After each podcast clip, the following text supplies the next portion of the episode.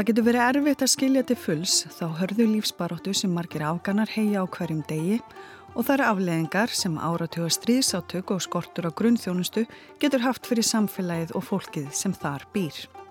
Við teljum sjálfsagt í okkar samfélagi að geta panta tíma hjá heimilisleikni, tannleikni, sálfræðingi, ljósmóður og hverjum þeim sérfræðingi sem við og fólkið okkar gæti þurft á að halda. Og flestir þessara einstaklinga hafa fengið góða mentun í sínu sérfræði hér heima eða erlendis án sérstakra vandræða. Stundum þurfum við að býða eftir tíma en þekkingin og þjónustan er til staðar. Í samfélagi þar sem mentun stúlkana var bönnuð um áraraðir og konum er jáfnvel meinað að leita sér lækninga hjá Karlkins læknum og helbriðistarsfólki eða vilja það ekki, geta afleðingar verið gríðarlega slæmar. Læknar án landamæra telja að um 4300 afganskar konur látist árlega af barnsförum eða vegna alvarlegra meðgöngukvilla. Árið 2018 létust fjögur af hverjum tíu börnum fyrir einsársammali sitt í Afganistan samkvæmt barnahjálp saminuðu þjóðana. Annað útbreytt heilbreyðisvandamál hvenna í Afganistan er krabbaminn. Það er önnur algengasta ástæði fyrir ótímabærum döðsvöllum hvenna á eftir því að látast við barnsfæðingu. Fáar heilbreyðistofnænir geta bóðið læknismeðferð við krabbamenni og livja og geyslameðferð er næstum ómögulegt að fá nema að fara erlendis. Margar konur eiga þess jafnvel ekki kosta að fara til læknis, sérstaklega ekki kvennkynnslæknis, fyrir en það er orðið of seint. Almennt er mikill skortur á heilbreyðistarfsfólki í landinu. Fyrir hverja 10.000 íbúa eru aðeins 4,6 læknar, hjúgrunafræðingar og ljósmaður. Það er langt undir skilgareiningum alþjóða helbreyðistofnurinnar á því sem telst vera neyður ástand en það er 23 helbreyði starfsmenn fyrir hverja 10.000 íbúa. Ástandi var mun verra fyrir innráðsbandreikin og NATO í Afganistan. Afgönsk stjórnvöld, alþjóðastofnanir og mannúðarsamtök hafa lagt ríka áherslu á uppbyggingu helbreyðskerfisins síðastlegin 20 ár. Það er hægt á að þessi miklu árangur tapist nú þegar Taliban eru komnið til valda og fjármagn berst ekki í landi til hjálpastofnana og mannúðarsamtaka. Alþjóðrefngur Rauðakrósins hefur ekki hilsugjæslustöður og fænalega hilsugjæslu í Afganistan í rúm 30 ár. Aug þess reykur afganski Rauði Hálmannin spítala í Kandahar og Kabul. Það hafa læknar án landamæra verið með starfsemi í landinu í um 40 ár og lagt ríka áherslu á þjónustu við barnsándi konur og unga börn en reyka einni bráðasjókurahús. Starfsamtakana er ekki aðeins til þess að auka við helbreyðist þjónustu í landinu, heldur skilur það eftir sig mikilvæg þekkingu meðal starfsfólks. Helena Jónsdóttir Sálfræðingur vann á bráðasjókurahúsir Lækna á landamara í Kundusborg í nýju mánuði árið 2015 okkar verkefni er í raun og veru alltaf að bara þjálfa, fylgja eftir og svona mónitora þá vinnu sem er í gangi og skilja eftir okkur eins mikla þekkingu og hægtir. Þannig að hugmyndin er ekki endilega við séum sko í meðferð eða lækningum sjálf þó við endum oft í því að við höfum ákveðna sérfræði þekkingu uh, heldur að við reynum þá meira að svona, hvað sé, handleiða uh, þá starfsmenn sem að fyrir eru. En það var, var þannig bara að þegar ég var í, í Afganistan og sérstaklega svona þegar á leið að þá uh, hófu talibanar mikla sókn á sérstaklega Kundusborg og fjöldi bara slasara. Hann jógst verulega þannig að þá reynir á að veist, ég geti þá, þá tók ég þátt í uh, meðferð skjórnstæðinga sjálf og þetta voru við og verið að vinna bara bæðin að slesadelt í kringum skurstofur, kringum gjörgjæslu og kringum það sem er svona innlíkjandi deltir og erum raun og verið bara að skjólstaðinga hvort sem það eru spí, sagt, sjúklingar á spítalanum, aðstandendur eða, eða aðrir í kringum það.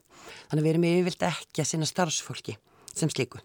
Mörg þorp og héruð einungrast frá starri borgum yfir vetratíman og þá er vegakerfi víða íllafarið eða lélegt.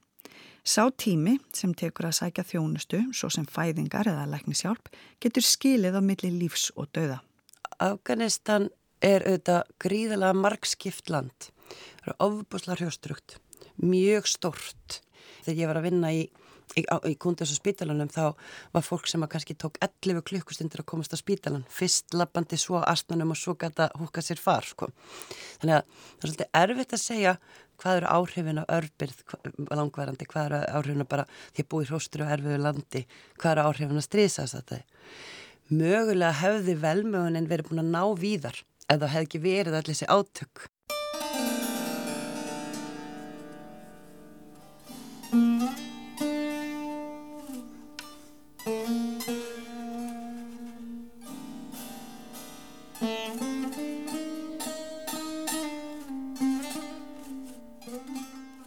Öryggisástandið í Kundusborga þessum tíma var frekar ótryggt, bara frá upphafi. Uh, og við, sérst læknar og landamæra, við viljum gætnan vera, reyna að vera síðust út eða allavega reyna að halda út eins lengi og hægt er. Þannig að við förum mjög, mjög varlega. Ég var í raun og veru annarkort inn á spítalanum sem var svona til til að stort svæði eða inn á litlum 70 fermetrum uh, inn á sérst í kringum gistaheimlið. Þannig að öryggisástandið hjá okkur er, mörgum finnst það íkt en Við vitum líka að um leið og eitthvað kemur fyrir starfsmann okkar vegum að þá er komið krafa frá sérst okkur að við lokum verkefnum og það viljum við þetta ekki láta gerast. Þannig að við tökum bara yfirlt enga áhættu og tryggjum það að við getum verið eins lengi og hægt er svona.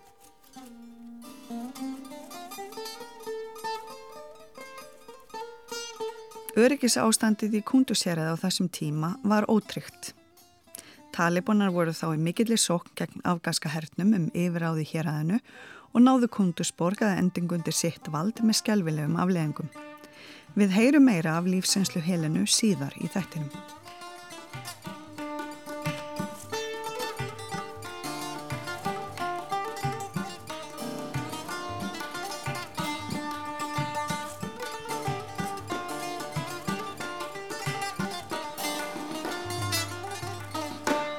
Mannréttindi og frelsi einstaklingsins var fótum tróðið í tíð Talibana.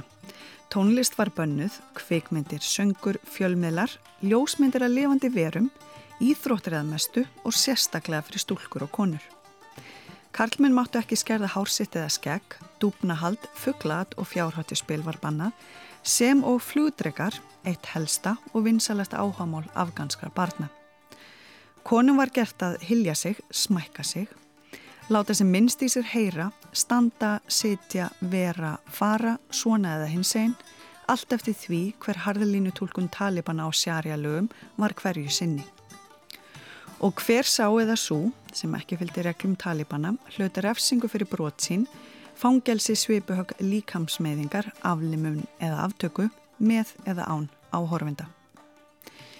Engu að síður streytust margir gegn bönnum talibana og kentu börnum áfram í heimahúsum og í leini.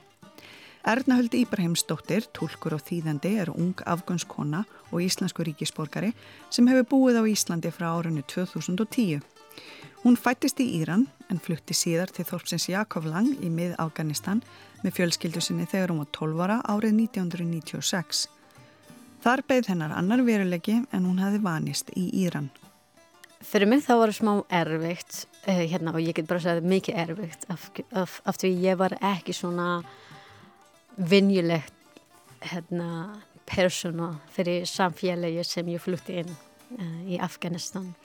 Þegar við fórum fluttum til Bamiyan, þessi heirat uh, í Jakálang hverfið þar um, það var engin raman það var, nei, hérna, það var ekki skólan fyrir stölpur eða fyrir strákur líka af því þú þurfti að fara í skólan fyrir strákurinn þú þurfti að lappa langt hérna í tvo klukkutíma eða þrjú klukkutíma að fara í skólan já það var svona mjög erfitt að ná hérna bók að leysa eða uh, það var neyn hérna blað, það var ekki neitt til fyrir hérna um, sem ég var vanir með sem þegar ég hérna um, bjó í Íran og sérstaklega ég var bara 12 ár. Þetta er mjög sérstak tíma líka af því þú eru bara að byrja að sé að horfa á samfélaguna í þeir kurvitu öðruvísi, þú vilja að læra þú eru bara tröst að læra meira og meira og meira.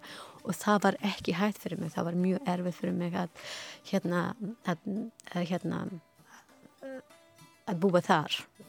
Vegna um, ég var svona smá svona um, rebellious. Ég var að hlaupa og bara sengja hát og bara tala hát og það, það var allir voru bara sokk hvernig ég var hegðu hérna í þessu samfélagin þess vegna það var mjög erfitt svona. Jakaflang er í Bamian hér eða örstuðt frá Kongablái vötnunum 6, Bandi Amir, um 270 km vestur af Kabul. Á þessum árum voru talibanar í mikill sókn í Afganistan en þeir náðu hér aðeinu þó ekki strax. Bamjan herrið voru ekki alltaf undir, undir talibanar. Hérna Bamjan er í Háland, það er fjallar og bara mjög erfitt vitur, það er bara snjóð svo mikið og mjög kallt. Um, og í samfélaginu sem við vorum í þessi hverfiður flestir og hazara síja muslima. Taliban tókst þegar ég yfir þegar ég var 13 og hérna um, kom, það var á sumurinn Taliban voru alltaf svona byrjaði stríð koma og teka í hverfinu í þessi herrat og þegar komið veitur þá var hazara hérna flokkurinn sem heitur Hezbollah voru taka yfir hérna þessi hverfina af því flisti eru bara hazara þessi flokkur var hazara líka og þau eru fólk það var ekki erfið fyrir þeim að taka. Og það var alltaf svona fram og baka og milli talibanar og svona hétsbe vetat flokkur. Erna höld stofnaði skóla með vinkunum sínum og fór að kenna yngri krökkum í moskunni í héræðinu því það var engin skólabygging í Jakaflang eh, Það var svona eh, hérna fleiri börnum var engri af því ég, kenna, ég byrjaði að kenna fyrstbæk og við vorum hérna um, uh, já, ég byrjaði með fyrstbæk að bara kenna börnin. Og það var líka hérna nokkra stelpur sem var sama aldur eins og ég. Við, við vorum þrjú sem byrjuðum saman. Ég og vinkona minn hún var 12 ára líka eins og ég. Og það var eitt kennar í vinnur okkar hún Hún var uh, með háskólan, hérna próf frá Kabul háskólanum. Hún var gammal og við tvö vorum við ung. Þegar Bandaríkin og NATO fór inn í Afganistan og fældu Talibanastjórnina gáttu saminuðu þjóðinar, Alþjóðabankin, Evrópusambandi og Alþjóðlega mannúðarsamtök hafið mannúðar og uppbyggingastarfi í landinu. Barnahjálp saminuðu þjóðina leiti viðamiklar herrferðir fyrir mentun og bólusetningum barna meðal annars og Ímis samtök hófu fjölbreytt verkefni víða um land sem mörg verið lögðu áherslu að aðstóð við stúlkur og konur. Landið opnaðist og Ímislegt varð mögulegt sem hafi verið óhugsandi í valdatíð Talibana.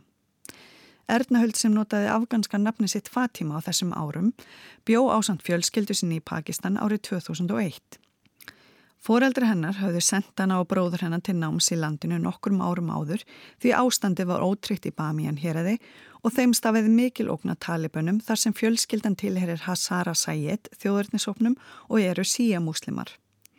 Fjölskyldan saminæðist svo í Pakistan þar sem þau byggu þegar talibanastjórnin var fælt. Uh, það breytist mikið fyrir mig af því ég aldrei hugsaði sem ég get farið í háskólan og læra. Ég, það var ekki einhvað sem ég var einmynda mér sem ég farið í háskólan.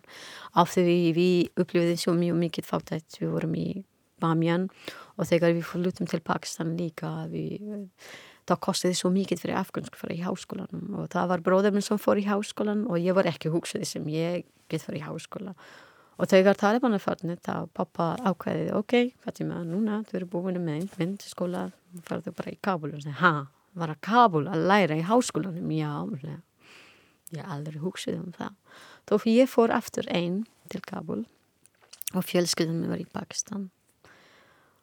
Þá ég byrjaði að læra fyrst ennsku, bara í fyrsta ári í háskólanum og það var mjög erfitt líka fyrir mig að búa af því ég var fyrsta kynsluð eftir Taliban fara enni í háskólan það var, það var mikið svona um, segja konservatív uh, á múti hérna stelpur sem býr bara einn í Kabul án fjölskyldunni og það var ekki innfælt um, og það breytist mjög mikið fyrir okkur, fyrir fjölskyldinu minni sérstakleika af því pappa átti á og mamma minn alltaf áttu svona áhuga að senda okkar að læra og myndun var mjög mikilvægt fyrir þeim að þeim við erum bara að fara að læra þá til dæmis pappa og mamma aldrei getur farið í skólan það verður svona og hérna momentan og þá fyrir okkur, við allt sískinni fórum í háskólanum og læriði. Við erum sjö saman. Ég um, útskriði fyrir lokfræði og stjórnálfræði, bróður minn var verkfræði og henn við all bara erum búin út frá háskólan.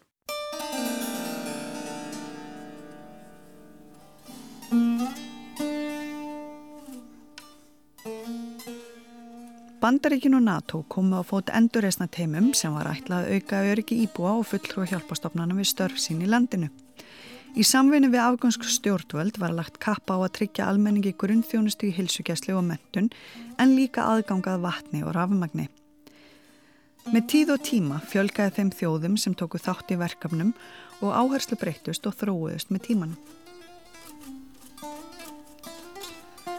Í skýrslu utaríkisraðanætisinn sem um aðgerðir og verkefni í Afganistan 2002-2014 er að finna grein og góða samantækt á fjölbreyttum verkefnum Íslands í Afganistan á þessum árum. Ísland tók þátt í aðgerðum svo að segja frá byrjun og snemma árs 2002 flutti flugfélagi Atlanta, aukutæki varning og liv fyrir barnahjálp saminuð þjóna til Taskent í Úsbyggistan og þaðan var það flutti áfram til Afganistan. Þá flutti flugfélagi liv fyrir alþjóða helbriðistofnuna til Pakistan og Íslands stjórnvöld kostuðu flutning á ýmsum sjúkrásvarningi sem Rauðikross Íslands og hjálpastofnun kirkjunar söpnuðu, svo sem sjúkrarúmum, hækjum, hjólastólum, aukilifja og vetrafatnaðar. Þá var kostaði flutningur á Apache herþyrlum frá Hollandi og flóið með liðsapla og varning frá Litáin og Slovakíu til Afganistan. Búnaðar fyrir afganska herin var fluttið frá Íslandi 2006 og í september 2007 var flóið með vopn frá Litáin fyrir afganskar hersveitir svo dæmi séu tekinn. Stærsta verkefni Ísland var stjórn Hamed Karzai flugvallarins í Kabul. Ísland fór með stjórn hans frá júni 2004 til februar 2005 og lagði til 17 stuðugildi af þeim rúmlega 300 sem þá voru við rekslu flugvallarins. Fjölmarkir sendifulltrúar í Íslensku friðagæslunar komaði því verkefni og störfuði við flugumsjón, flugumfröðastjórn, slökkvilið og fleira. Íslendingar unnu einni við þróunastarfi tveimur endurreysnar teimum í héruðunum Gór og Farjab. Þar störfuðu þróuna fulltrúar sem áttu þátt í uppbyggingar og þróunaverkefnum á svæðinu. Þá voru sendi fulltrúar í færilegum eftirlits og upplýsingateimum. Frá árinu 2006 voru fjórar megin áherslur Íslands í Afganistan, uppbygging á sviði laugjæslu og réttafars, helbrið og heilsuvernd, flugmál og flugvallastjórn og upplýsingamiðlun og fjölmiðlun. Jafnbrettismál urði með tímanum veiga mikil þáttur í verkefnum Íslands og mörg þeirra verkefna sem Ísland tók þátt í snýru að valdeflingu kvenna með einu með öðrum hætti. Ísland styrti einni starf ímissa alþjóðastofnana á samtaka í landinu svo sem UN Women, flótamanna hjálp saminu þjóna og Rauðakrossin. Tögir Íslendinga störfi á vegum íslensku friðageslunar í Afganistan. Stöðugildunum fækkaði með tíð og tíma Á síðustu árum hafa jafnaði tveir til þrýr verið starfandi þar í einu en síðustu borgarlegu sérfræðinganir luku störfum í Afganistan í júni 2019.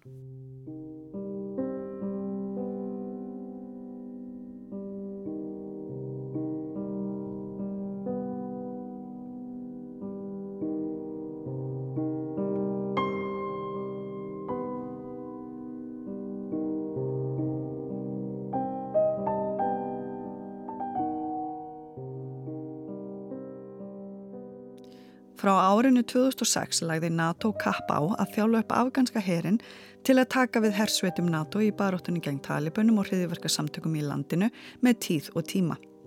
NATO lagði ríka áslá að fjölga konum í hernum, sérsveitum og lauruglu og náði nokkur árangri í því.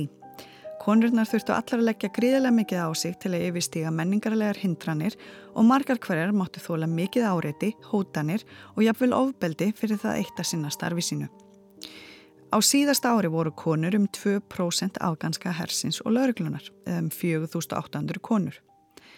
Þetta hljóma kannski ekki íkja mikið, en höfum í huga að nokkur um árum áður voru engar konur í afganska hernum og lauruglunni. ما واقعا افتخار میکنم به این که من تونستم همی افتخار همی کسب کنم که من یک از جمله از پلیس های زنی باشم که در هرات من خدمت کنم و همیشه این آرزوم بود و البته من بسیار یک Ég tók viðtal við lauruglukonuna Marciu í tilumni þess að hún var fyrsta rannsóknu lauruglukonin í Herat. Marcia og fleiri afganski kollegar hennar fengu þjálfun hjá ítölskum herrlauruglumönnum en Ítalir fóru með stjórn herrstöðurinnar Kamp Arena fyrir utan Herat. Marcia flúði ásand fjölskyldu sinni til Írans á tímum borgarastyrjaldarinnar en snýru svo aftur til Afganistan þegar talibana voru hraktir frá völdum. Frá heimili fjölskyldunar í Herat fyldist hún með sjómarsútsendingu frá embættistöku Hamed Karzai fórseta, eitthvað sem hafi verið óhugsandi á tímum talibana þegar sjónvörp og fjölmilar voru bannaðir. Inn á milli hópa lauruglumanna greindi Marcia lauruglukonu, fyrstu lauruglukonuna sem hún hafi séð á æfisinni. Marcia ákvaða þessari stundu að verða lauruglukona og sótti hart að fá leifi fyrir starfsvali sínu, fyrst hjá föðu sínum sem síðar sannfærði eiginmann hennar um að samþykja starfsvalið. Nokkur árum síðar fekk hún starfi lauruglun í Herat og varð síðar meir fyrsta rannsóknu lauruglukonan í borginni þar sem hún rannsakaði alvarlega glæpi, svo sem morð, mannrán og þjófnaði. Í viðtalinu undirstrykaði Marcia mikilvæg þess að hafa konur í lauruglunni en í samfélagi þar sem konur er jafnvel meina að tala við karlmann sem er ekki tengdur henni, þá er mikilvægt að geta rætt við lauruglukonu hvort sem þú ert þólandi eða gerandi í lauruglumóli. Mér er ekki kunnugt um hvort Marcia er við störfi í dag en mjög líklegt má teljast að henni, eins og hinnum 4800 hér og lauruglukonunum hafi verið bannað að vinna og þar séu nú fastar heima við í felum fyrir talibunum.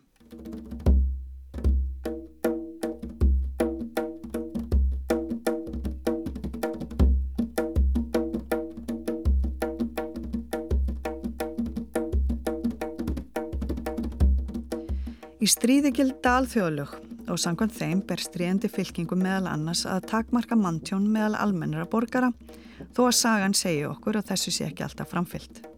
Stríðsfangar eigi sín mannréttindi eins og aðrir en talibanar og ímsir afganski stríðsherrar hafa margóft virt þau að vettu í. Herfóringin Abdul Razi Dostum er eitt þeirra. Dostum drotnaði í norður héröðunum og var eitt stríðsherrana sem myndu norðubandalæð sem veitti talibönum hvað mesta mótspyrnu þegar þeir sóttu fram í Afganistan. Dostum og undimaður hans Abdul Malik Pavlan eru sagður að hafa myrt alltaf þúsund talibana eftir að hafa flutt á fangelsum og að Vassbrunum næri Sérbergan í norðvestur Afganistan 1997 þar sem mennirnir voru teknir af lífi og kastað í brunnana. Talibanar hemdu morðana ári síðar þegar þeir réðust inn í Masare Sharif og skautu á fólk á gödum úti í borginni með þeim afleggingum alltaf 2000 letust. Þá fóru þeir hús úr húsi í leita karlmælum að Tajik, Úsbek og Hazara þjóðurni. Þúsundir manna af ýmsum þjóðurnum voru teknir til fanga og síðar fluttir í stórum vöruflutningagámum til annara borga með þeim afleggingum að fjöldi þeirra fórst á leiðinni og þeir sem livðu af enduðu í fangelsum Talibana. Þegar sérsveiti bandaríkinu og hersveiti norðubandalagsins hröktu Talibana frá völdum, flúði þeir frá Masar til Kunduz þar sem þeir gáist að endingu upp og voru teknir til fanga. Nokkur síðar var fengunum tróðin í flutningagáma og allt upp í hundruðum saman hýrðust þeir í loftleysi og myrkri án vass og matar þar til þeir komu á leiðaranda í fangelsi í Sérbergan nokkrum dögum síðar. Ekki er vitað hversu margir fangar voru flutti með þessum hætti. Sumir þeirra köpnuðu, tróðust undir eða letust af skotsárum, er Hermann Dostum skutu á gámana. Nokkur mánuðum síðar fundu sérfræðingar Physicians for Human Rights fjöldagröf í Dasti Leili skamt utan við Sérbergan. Dostum varpaði af sér allri ábyrð á fjöldagröfinni sem var greiðilega stór en frumrannsóknir réttamannfræðinga bentu til þess að líkamsleifar minnst 2000 fanga var að finna í Dasti Leili.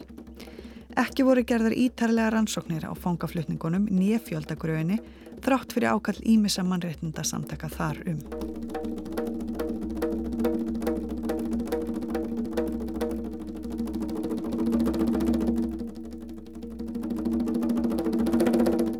Sumir fangana sem lifðu á fangaflutninga til Sérbergan fangelsisins voru síðar fluttir í hið allræmda Guantanamo fangelsi á Kúpu eða í fangelsi bandreikina á Bagram herstöðinni norðan við Kabul.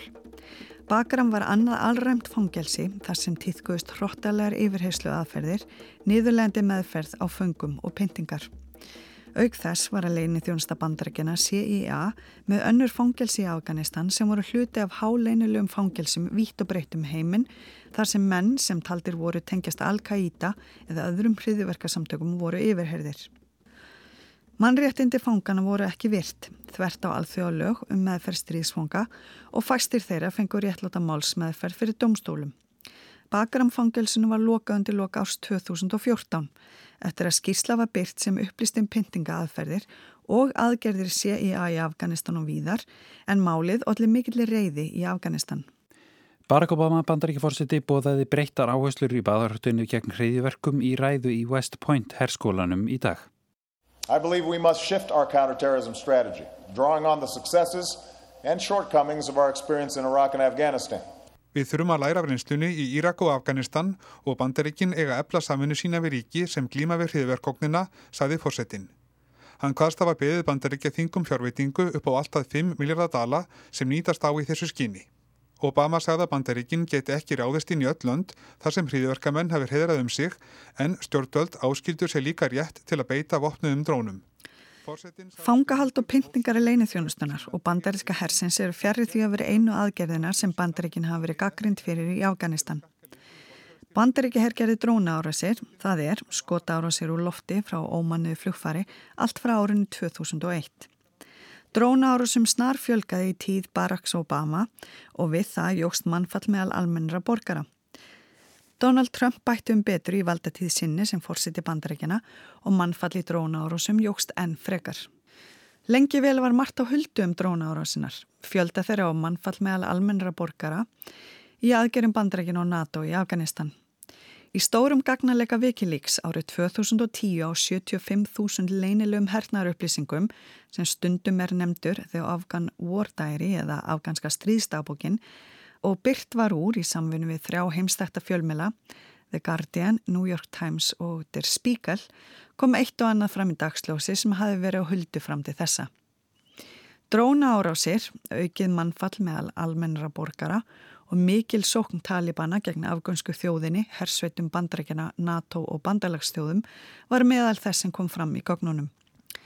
Í umföllinu The Guardian á sínum tíma var meðal annars fjallað um bandariska sérsveit Task Force 373 sem myrti eða fangelsaði Talibana og liðsmenn Al-Qaida án dóms og laga. Og þessi starfsættir heldu áfram í Afganistan eftir þetta.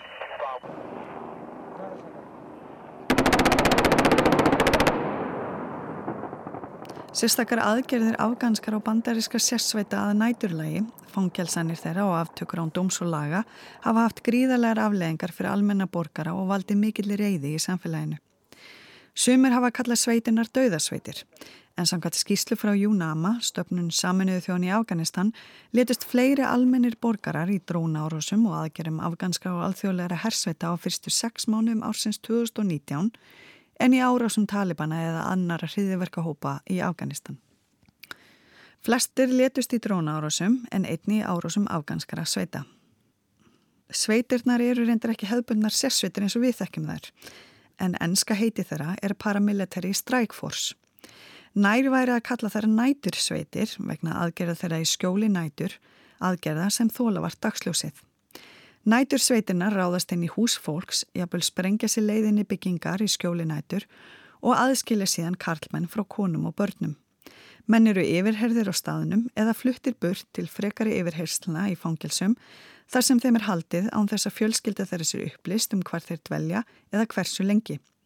Í sumum tilvikum eru menn teknir af lífi án dóms og laga. Mannréttindavaktin hefur gaggrínt aðgerðir afganskara nætursveita. Þær starfa undir leini þjónustu Afganistan en lúta korki hefðbundinni herstjórnskipan afganskaran í bandariskar hersins. Liðsmenn þeirra hafað miklu leiti fengið þjálfun og búnað fór bandarísku leini þjónustinu CIA sem hefur umsjón með aðgerðum þeirra.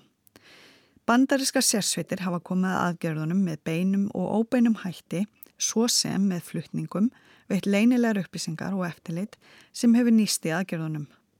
Nætur árásinnar náðu hámarki áranu 2009 til 2011. Aðgerina voru gaggrindar og þeim mótmælt harlega af afgönum og mannréttindasamtökum og bandaríski herin dróðu þeim í kjölfarið.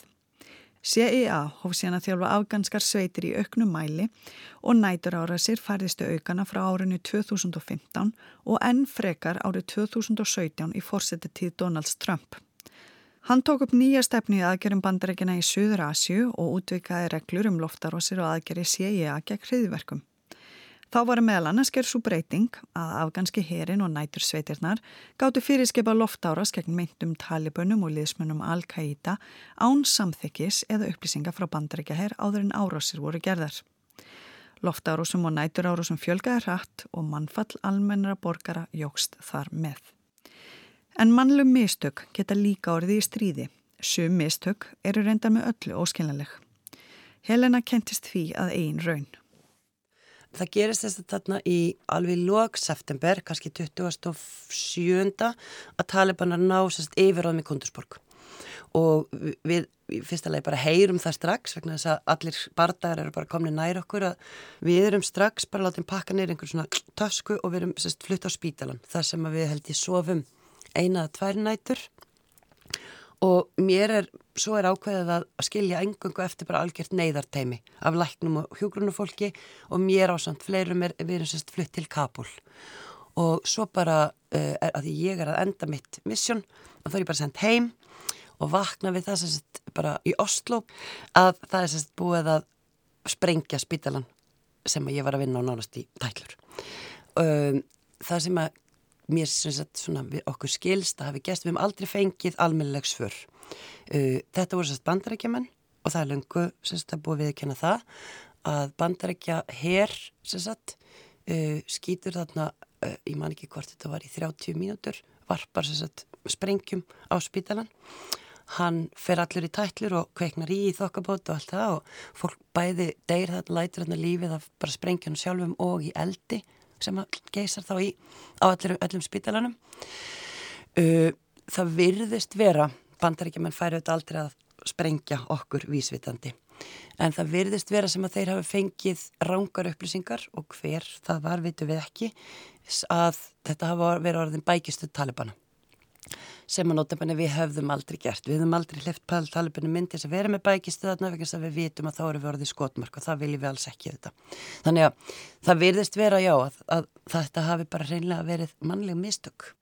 Nýju hefð minnst að léttu lífið og um 40 eru alvarlega særðir eftir að sprengjur fjalli á sjúkrahús lækna án landamæra í Kundús í Afganistan í nótt. Hart hefur verið barist um hér að söfuborgina Kundús. Sko, ef ég mætti velja þá þið freka vilja vera þarna. Það er mjög skrítið og það er bara svona típisk það sem maður kallar svona survivor gilt held ég. Ég hefði freka vilja vera þarna. Það er ós að merkileg tilfinning. En hún er bara á sköpu og ég er náttúrulega sálfræðingur á að kunna skýra slíkt sko. Bara sko reyðin og, og auðvitað samviskubitið og sorgin og þetta er þetta bara algjörlega yfirþyrmandi og þannig að deyr fólk vel að skjálfvelar aðstæðu sem ég ekki einn svona reyna að lýsa hér.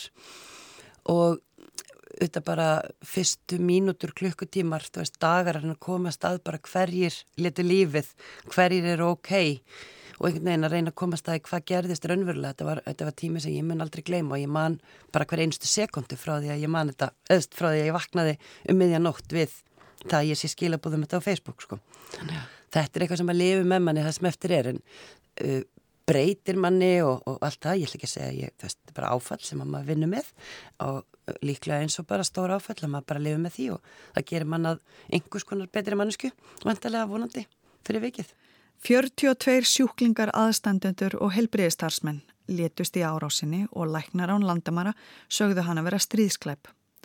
Bandaríkja heyr hafnaði þeim ásökunum en rannsakaði árásina og sagði að þetta hefur röð mannlegra mistaka og óvilja verk. Árásin hefði ránglega verið beint af spítalanum í stað ofinbæra byggingar sem talibanar voru taldir hafa sölsað undir sig.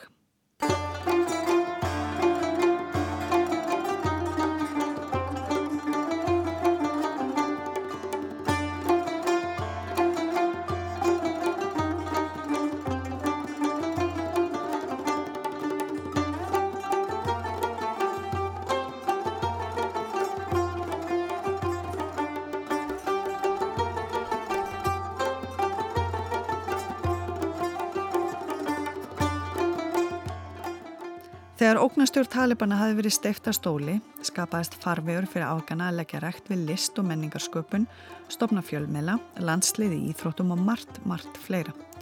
Konur fór að láta aðsikveða í stjórnmálum og samfélaginu, stúlknalið heitlaði heimsbyðina með góðum árangrisinum í róbóta og vísindakeppnum, Artlords listahópurinn málaði veglistaverk með friðabóðskapa og steinstifta varnamúra í Kabul, afganskar stúlkur fór að æfa íþróttir og stunda líkansætt.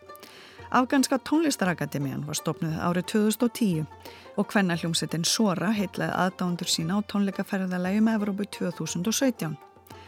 Dagblöð fréttasýður, sjómarstöðvar og meira segja raunveruleika sjómarstáttaröðin Afgan Star eða Afgansk stjarnar var til eins konar afgansk ídólsöngvakefni sem sló í gegn og gerðar voru einar 15 þáttaröðir á sjómarstöðinni Tóló.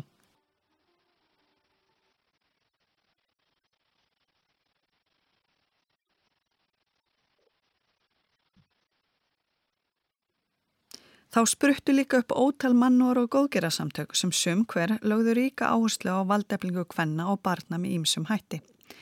Stúlkar og strákar lærðu á hjólabretti hjá samtökunum Skeitistan.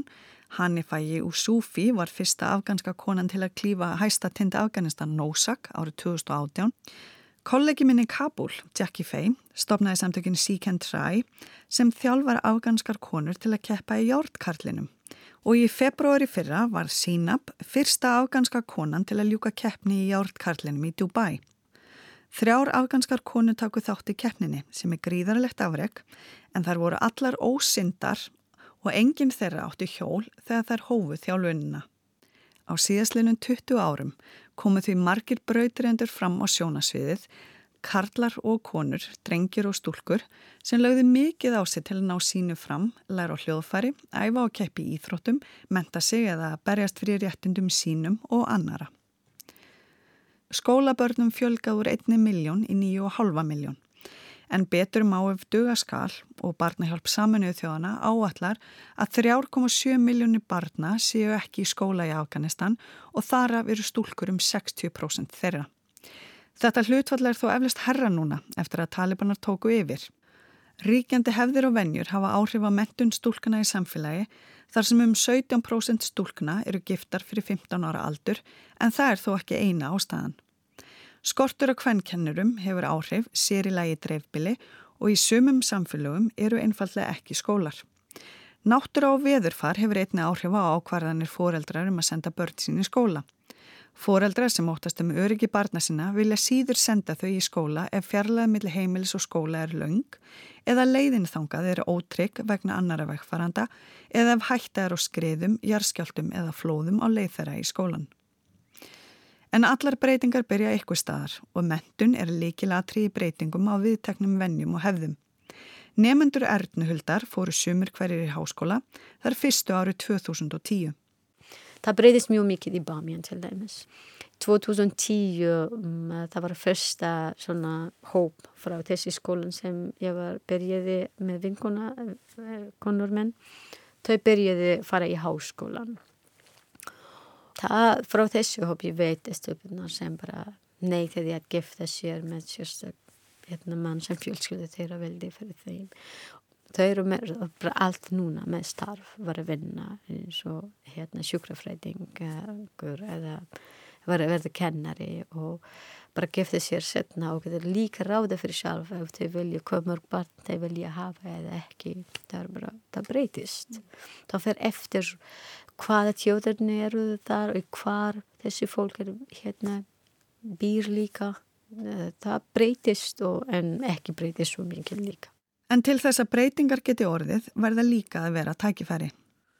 American University of Afghanistan eða AUAF eins og við kallum það um, var stopnaður gagger til þess eh, nummer eitt að, að, að veita ungum konum tækifæri aðalega þó að við höfum nú náttúrulega uh, svona, uh, mjög japs á við með kynin af nefnundum en við vildum bjóða konum að hafa tækifæri til þess að hafa góða mentun segir Árni Arþórsson, aðstofarektor American University of Afghanistan. Hann hóf störf þar 2018 sem fórseti viðskiptadeildar en skólinn var stopnaður árið 2006. Talibanar hafa ætið haft horni síðu stjórnenda og nefnda við háskólan sem er byggður upp að alþjóðlegri fyrirmynd. E, aðrir háskólar í, í Afganistan eru misjafnir að gæðum. Það vantaði, kann maður að segja, alla hennan alþjóðlega pakka inn í, í gæð, gæðin í háskólanum. En uh, við erum náttúrulega með miklu hærri gæðasteg með alla mentun og allt sem heitir umgjörðin um allt saman uh, efnið sem við notum til kennslu og, og svo erum við betri tölvugæði og við erum að nota sagt, netkennslu erum að, og erum með miklu meira af alls konar tækifærum fyrir nefndum að læra sem að, sem engin háskóli í, í, í Afganistan getur bóðið upp á eins og við getum. Það sem að talibanar hafa náttúrulega alltaf hatað gangvart okkur er það að 70% af okkar uh, kostnaði er, er, er greittur af bandarækjastjórninni, af USAID sem er svona þeirra hjálparstarf og uh, þess vegna eru, eru þeir nú, það var eitt af þeirra fyrstu verkefnum raunverulega þegar þeir komast inn í Kabul var að fara inn í okkar svæði og, og láta það vel í ljósi á, á, á fjölmjölum hennum mínus ímis konar að, að, að þeir varu núna búinir að koma inn á okkar svæði og, og, og sigra okkur. Það var stór punktur fyrir þá pólitístaldi. Maður uppgötar hérna í svona starfi að eh, starfið er alveg ótrúlega gefandi og, og, og það sem að þú ert að gera hefur náttúrulega áhrif strax á, á fólkið og þjóðfélagið. Og það er það sem er svo merkilegt með þetta starfa að, að hérna, þau störf sem ég hef svo sem haft áður, jú, maður hittir nefnendur og, og kennir þeim og, hjálpa þeim kannski eitthvað áfram í, í á lífsleiðinni og svona að finna sig og þess aftur, en, en þarna er þetta, þetta er allt svo miklu starf og allt svo miklu mikilvægara. Eh, vegna þess að uh, þjóðin er svo fátæk og þarf á svo miklu að halda. Og þú veist að, að gefa uh, ungu fólki tækifæri sem það annars myndi hennilega ekki hafa og þakklætið er svo gífurlegt. Og svo að uh, ma maður gerir allir grein fyrir því að það sem maður er að gera skiptir alveg rosalega miklu máli þannig að, að það er svona má segja að sé það sem maður hafi sleiman mest í þessu með við þetta starf og, og viljan til að halda áfram og reyna að hjálpa. Ernahöld segir að aðgangur á netinu hafi miklu breytt frí íbúa landsins síðastleina ár en hætta sig á bakslægi við brottkvar bandaríkjana og NATO og með nýri stjórn Talibana það breytist mjög mikið og það er ekki bara vegna hérna Bandaríkju eða NATO að vera í Afganistan og líka tíman breytist svo mikið. Núna við erum með internet, við erum með síman, við erum með sjónvarp. Það eru mörg fólk sem á svona internet og símanum og þau getur bara að horfa hvað er í gangi í heiminum og það á stór áhrif. Það fór mikið penning í Afganistan, það er svona quality og það er quantity þú þarf að nóta síman þess vegna þú þarf að læra stafröðinu, þarf að læra hérna tölur. Og það er svona á stór áhrif á lífið okkar. Og málið er svona hvað við fengum svona í backlash. Það er svona neikvægt áhrif sem átti í Afganistan ég held. Sko við vitum ekki hvað verður um mentunina um, þeir eru búin að gera þessa bráðbyrra stjórn núna og sá sem að er yfir uh, mentamálaráðuneytinu Uh, er búin að setja ákveðna reglur hérna einn strax sem alltaf aðskildi hvern fólkur kallminn og þeir eru búin að senda all, alla hvern profesorina heim og banna þeim að kenna. Þetta er ekki alveg að passa það sem þeir segja almennt og það sem þeir eru síðan að gera. Þannig að sem stendur með að er ekki koma í háskólan að kenna þó þeir segja að það séu einu þeir sem að geta kent hvern fólki og þannig að þú sérð alveg hvernig þetta er að fara Hvað var þar okkur að þá náttúrulega vitum við það að við erum jú viðurkendur háskóli í Afganistan og það er ekki búið að taka þá viðurkenningu af okkur ennþá en við búist nú fastlega við því að það muni verið gert. Þá þurfum við náttúrulega að finna okkur samastað og náttúrulega að fá nám okkar nefnda viðurkend á einhvern hátt því að við ætlum að halda áfram kjenslunni núna sagt, á netinu. Uh, það sem við við náttúrulega höfum mestar ágjur af að við þurfum að koma nefnundunum úr landi því að við vitum ekki hversu lengi við munum geta haldið í þetta, í þetta krakka sko á netinu. Við vitum ekki hversu mikið talibara munum leifa netið. Og þeir eru ekkert búin að segja einar reglur um netkennslu sem að var bönnuð í Afganistan og hefur verið bönnuð lengi. En við vorum búin að fá sérstaklega undan þá fyrir það út af, út af COVID og, eh, og svo út af neyðar ástandi setnum er þannig að við erum að halda í það. En, en sko raunverulega búist við bara við því að þetta verði búið í Afganistan og, eh, og svo þurfum við bara að reyna að finna hvar við getum fundið svona viðkenningu eða accreditation eins og það kallað á ennsku annar staðar í heiminum. Svo að, að nám þessara nefnda sérstaklega þessara sem eru komið langt í námi verði viðkent uh, þegar fólk vil fara að vinna eða þegar fólk vil fara í framhalsnám. Sankvæmt alþjóðabankanum voru tæplega 500 heilsugjæslur og sjúkurastofnani í Afganistan árið 2002 en voru orðna rúmlega 2800 árið 2018. Nýburadauði fjall úr 53 í 23 af hverjum þúsund fæðingum frá árinu 2003 til 2018 og markvallt fleiri ljósmaður eru nú viðstattar í fæðingum en áður. Lífslíkur afganskar kvenna eru í dag 65 ár og hafa aukist um 10 ár frá árinu 2000. Þá eru lífslíkur afganska karla 63 ár en voru 54 ár árið 2000. Til samanbyrðar má geta þess að íslenskar konur geta vænst þess að verða 84 ára gamlar að meðaltali og íslenskir karlar 81 árs gamlir. Stríðsregstur í svona landi það, það hlýtur að segja sér sjálft að hann hefur hræðilegar afleggingur og líkamlega og andlega heilsu fólks til lengri tíma. En það er erfitt að segja sko hefðan ekki verið hvar landi stæði í dag, hvar þjóðin stæði í dag, bara líðheilsulega að segja til dæmi sko, eða bara, já, svona hvað var þar heilbriðistjónust og annað. Það hefði ekki verið stríðsregstur, hvað hefði þá verið í staðin Veist, hefði það verið stjórn sem var jafn spilt og kannski einhverjum öðrum löndum og hefði bara tekið allt til sín og hvort er skilisvæðin eftir. Þannig að þú veist, landið er á hræðilegum stað, var á hræðilegum stað og verður það væntanlega næstu árin, hvort sem maður stríðsregstur eða ekki. Það er svolítið erfitt að segja hvar landi stæði ef það ekki gerst allt saman sko. Mikið af þeirri uppbygging og framþróun sem hefur orðið í Afganistan síðastleginn 20 ár náði þó ekki til íbúa um allt landið. Ég á vinn sem býr mjög langt í burtu frá öllu í Afganistan og ég er í svona smá sambandi við hann núna fyrir hann er þetta engin breyting.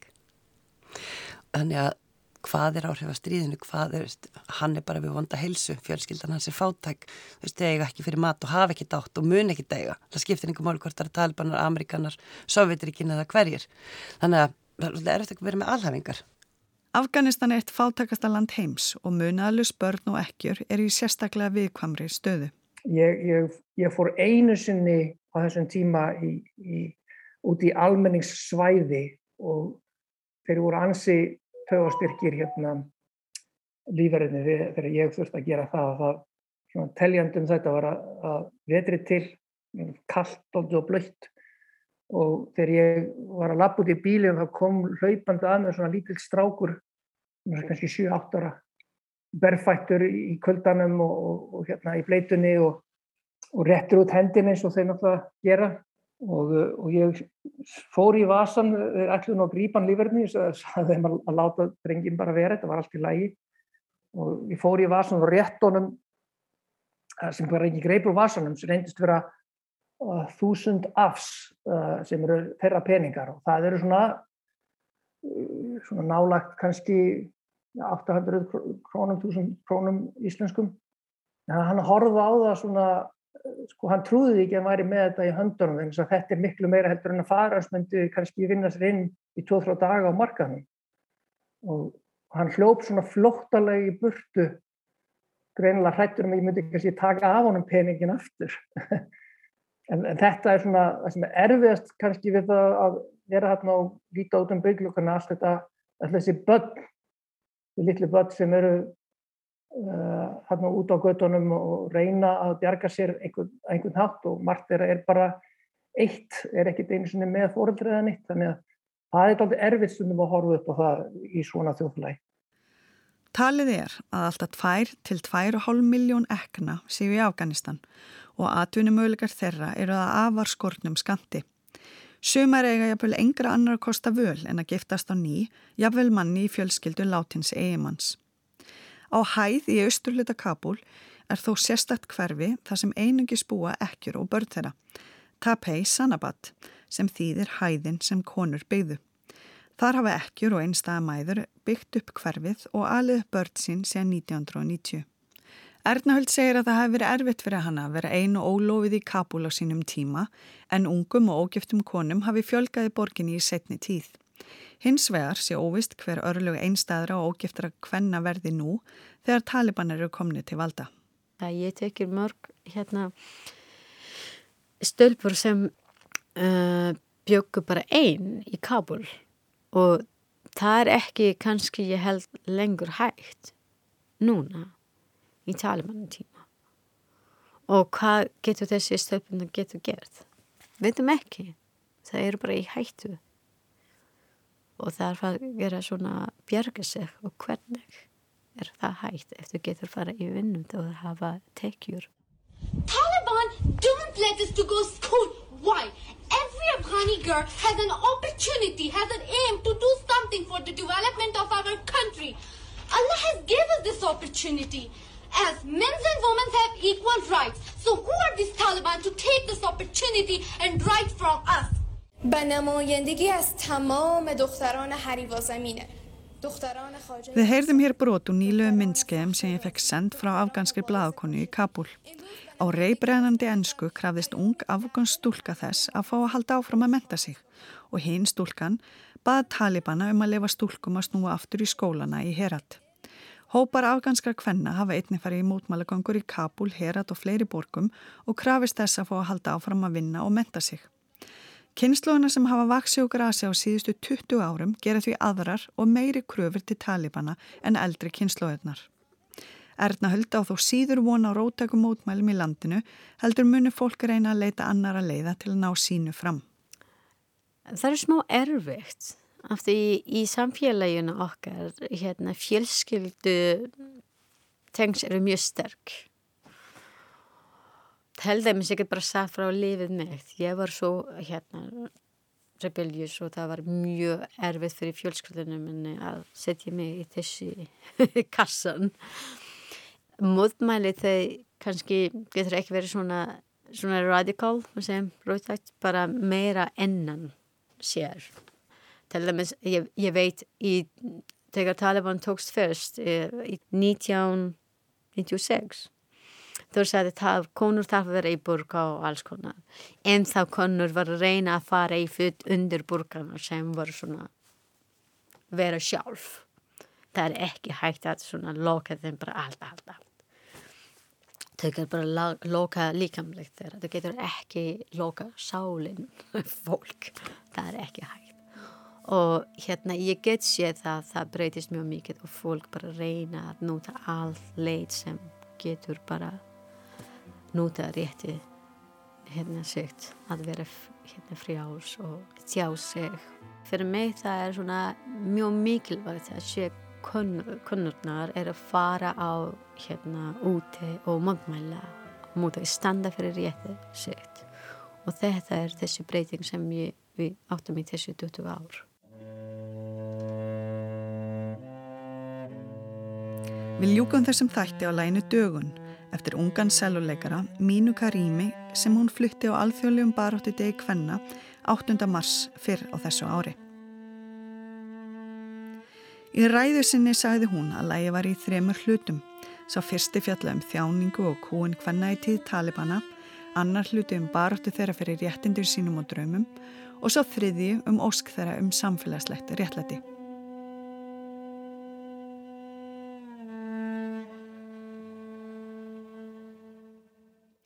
En lægið er óklárað.